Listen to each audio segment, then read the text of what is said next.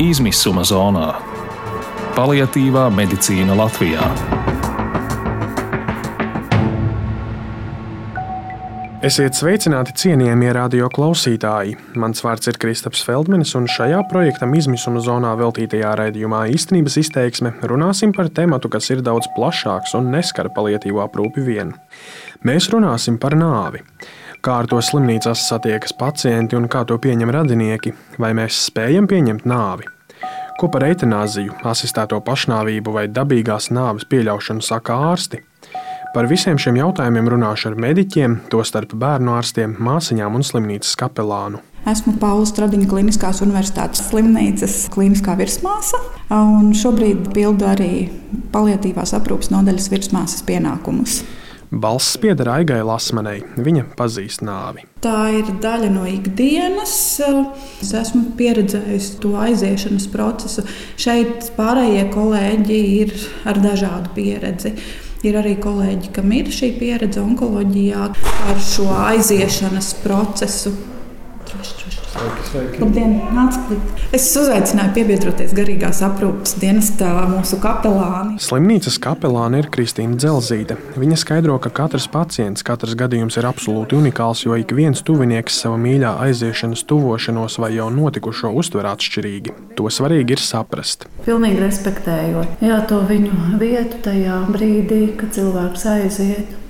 Jā, arī tad, ja vajag, tad uh, mēs vienkārši esam līdzās un ļaujam izraudāt, izrunāt.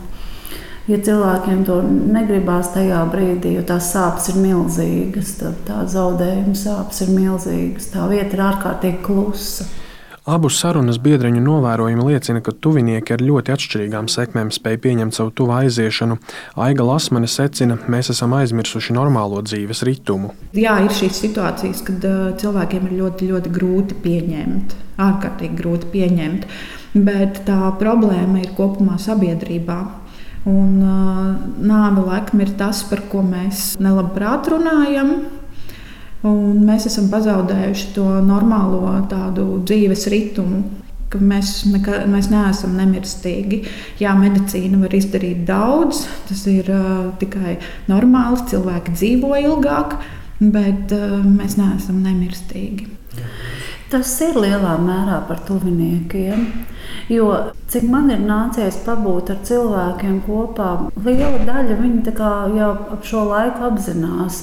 Cilvēki guļot jau palietīvi aprūpē, viņos jau tas atvadīšanās process ir jau lielā mērā jau ir noticis. Un tā, tā saprašana viņos atnāk. Bet tas ir stāsts par to, kā cilvēki pieķerās. Un caur tādu mīlestību tu nevari atlaist otru cilvēku. Viņš dzīvo kā, jau tā tuvinieka dēļ. 嗯。Nespēja aizgājēju atlaist mierinājums un skaidrojums nereti tiek rasts vainu noveļot uz mediķiem, stāstā Ega Lasmane. Visam pamatā ir saruna, tādēļ tuvinieki ir jāgatavo notiekošiem un jāskaidro, kas ir palietīva aprūpe. Ir situācijas, kad jāsaka, jūs nedarat. Mums ir bijuši tādi pirmie gadījumi, jo, jo pie mums nonāk tie pacienti, kas ir slimnīcas nodaļās. Tad ļoti svarīgi ir arī, ka iepriekš ir tie radinieki sagatavoti. Un tad, ja mums tā ģimene ir nesagatavota un nav izgājuši kaut kādiem procesiem cauri, tad ir tās gaidas, kad varbūt jūs tomēr kaut ko izdarīsiet. Bet tāpēc mēs arī kā, cenšamies ar kolēģiem sadarboties un runāt, un, lai, lai tā ģimene jau būtu tomēr arī tajā iepriekšējā etapā ar cilvēkiem būtu runāts par to, kāds ir tas eh, gaidāmais iznākums. Aiga Lasmane runājot par nāvi, aizdomājas par to, cik tālu ārsta centieni izraut no nāves ķetnām ir palīdzība. Tā ir arī tāda mediķu kritiskā domāšana, kad ir pacientu jāreanimē un kurš ir tas brīdis, kad nē. Par spīti tam, ka bieži tuviniekiem ir grūti pieņemt nāvi, kapelāne Kristīna Dzelzīte atminas arī sirdi sildošus gadījumus. Jā, man ir viens skaists stāsts uh, nodaļā, kur kur ir 90 gadīga kundzīte. Un, uh, viņai līdzās bija viņas vīrs, kam arī bija tieši tikpat. Tas vīrs viņai, viņai stāv, turēja rociņu un, un glāstīja roku, un viņa mira. Un viņš viņai saka, nu, man glabā pažiķiešo, goģika, dva. Ja? Un, un liekas, nu, mm. tas ir skaidrs, tas vairs nav tā tāda traģika, tā ir likumsakarība. Mēs aizējām, mm. un tie ir 90 pāri gadi, tas ir bagāts mūžs. Un, un arī tad cilvēkam, kas tas, tam vīram, ja, kas tā, tā klātbūtnē, ja, viņš, nevar, viņš nevar tā mierīgi atlaist. Viņam liekas, ka vienalga ir par maz. Nodzīvot bagātu un garu mūžu vai tā nogali pieredzēt jau sava ceļa iesākumā, tā ir liela atšķirība tuviniekiem. Īpaši tādēļ, ka bērnu gadījumā procesā te jau vienmēr klāt ir vecāki, pārliecināti ar bērnu Kliniskās universitātes slimnīcas anestezioloģijas un intensīvās terapijas klīnikas vadītāja Arta Bārzdiņa. Nu, strādājot ar bērniem. Katrā ziņā šis miršanas mirklis ir uh, droši vien savādāks nekā kolēģiem strādājot ar pieaugušajiem. Jo bērns ir cilvēks, kas ir tikko nācis pasaulē. Ja, un, un viņam pilnīgi loģiski cilvēks saprot ar piedzimšanu, kad vēl ir tāls, tāls ceļš ejams un dažādi notikumi piedzīvojami.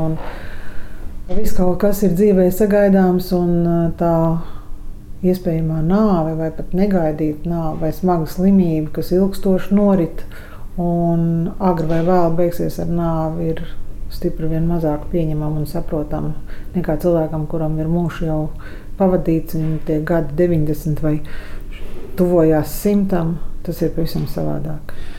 Bārzdiņa, tāpat kā manas sarunu partneris Stradiņas slimnīcā, norāda, ka tuvinieki ļoti atšķirīgi spēj pieņemt faktu, ka pacientam sācies dzīves noslēgums. Reakcijas ir ārkārtīgi dažādas.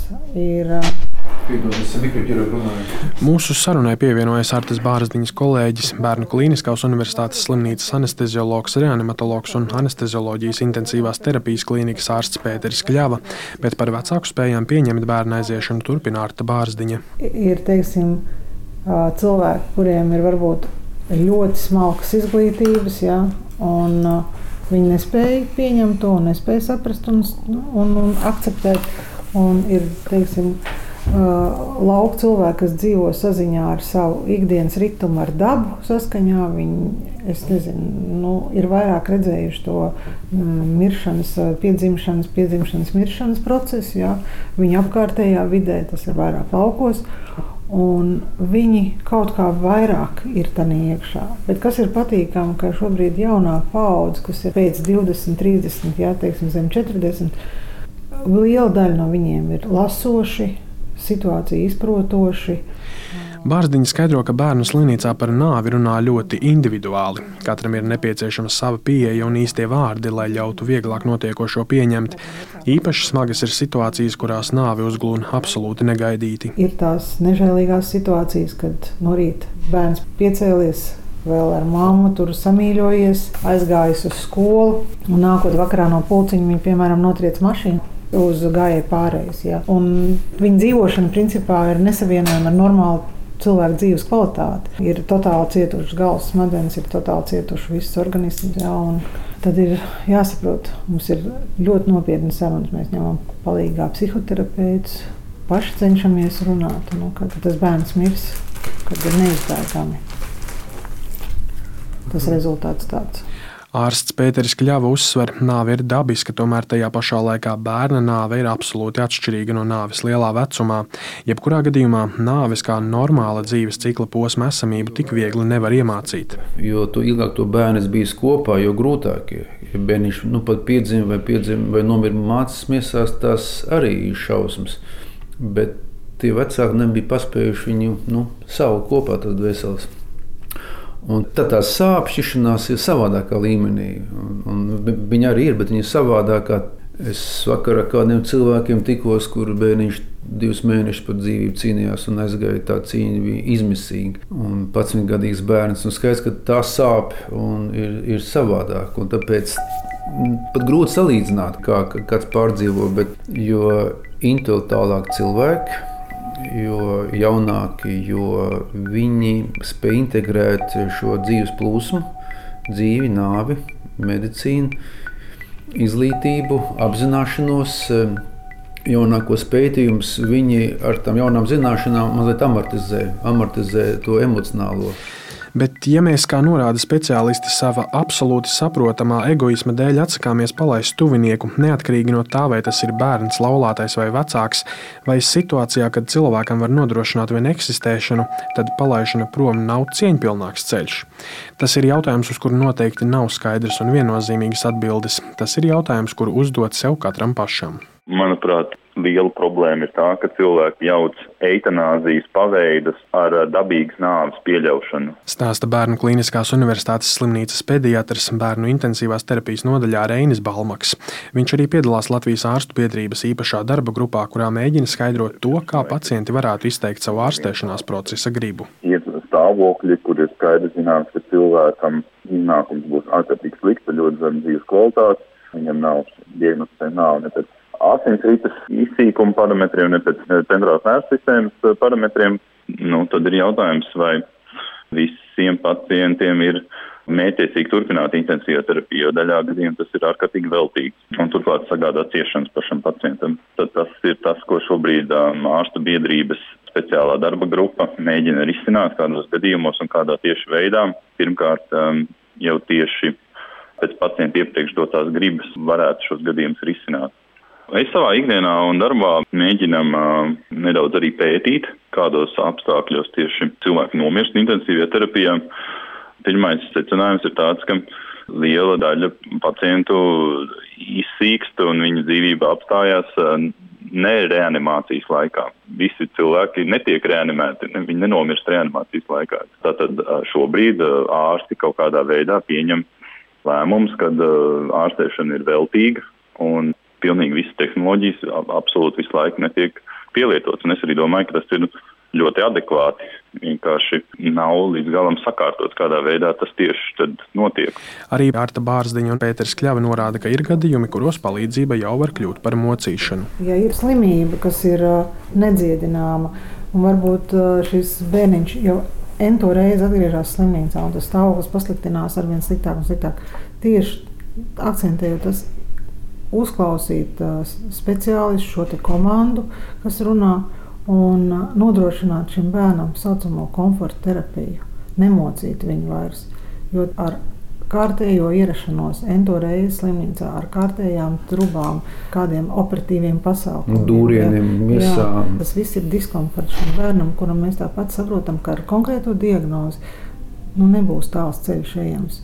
Tādā gadījumā notiek vilkšana. Jā, jā bet te ir ļoti svarīgi, ka tautā var rasties aizspriedums, nepareizs, ka nav pietiekoši cīņa bijusi. Un tas var būt tāds globāls pāruntums no padomu laikiem, kad nu, tas ir jāpārlauž tas mīts, ka tā nav. Ka tieši šī izskaidrošana, ka ir jācīnās, kad jācīnās, bet kad sākās absolūtās bioētikas pārkāpumi bet ne visi vecāki pieņem to.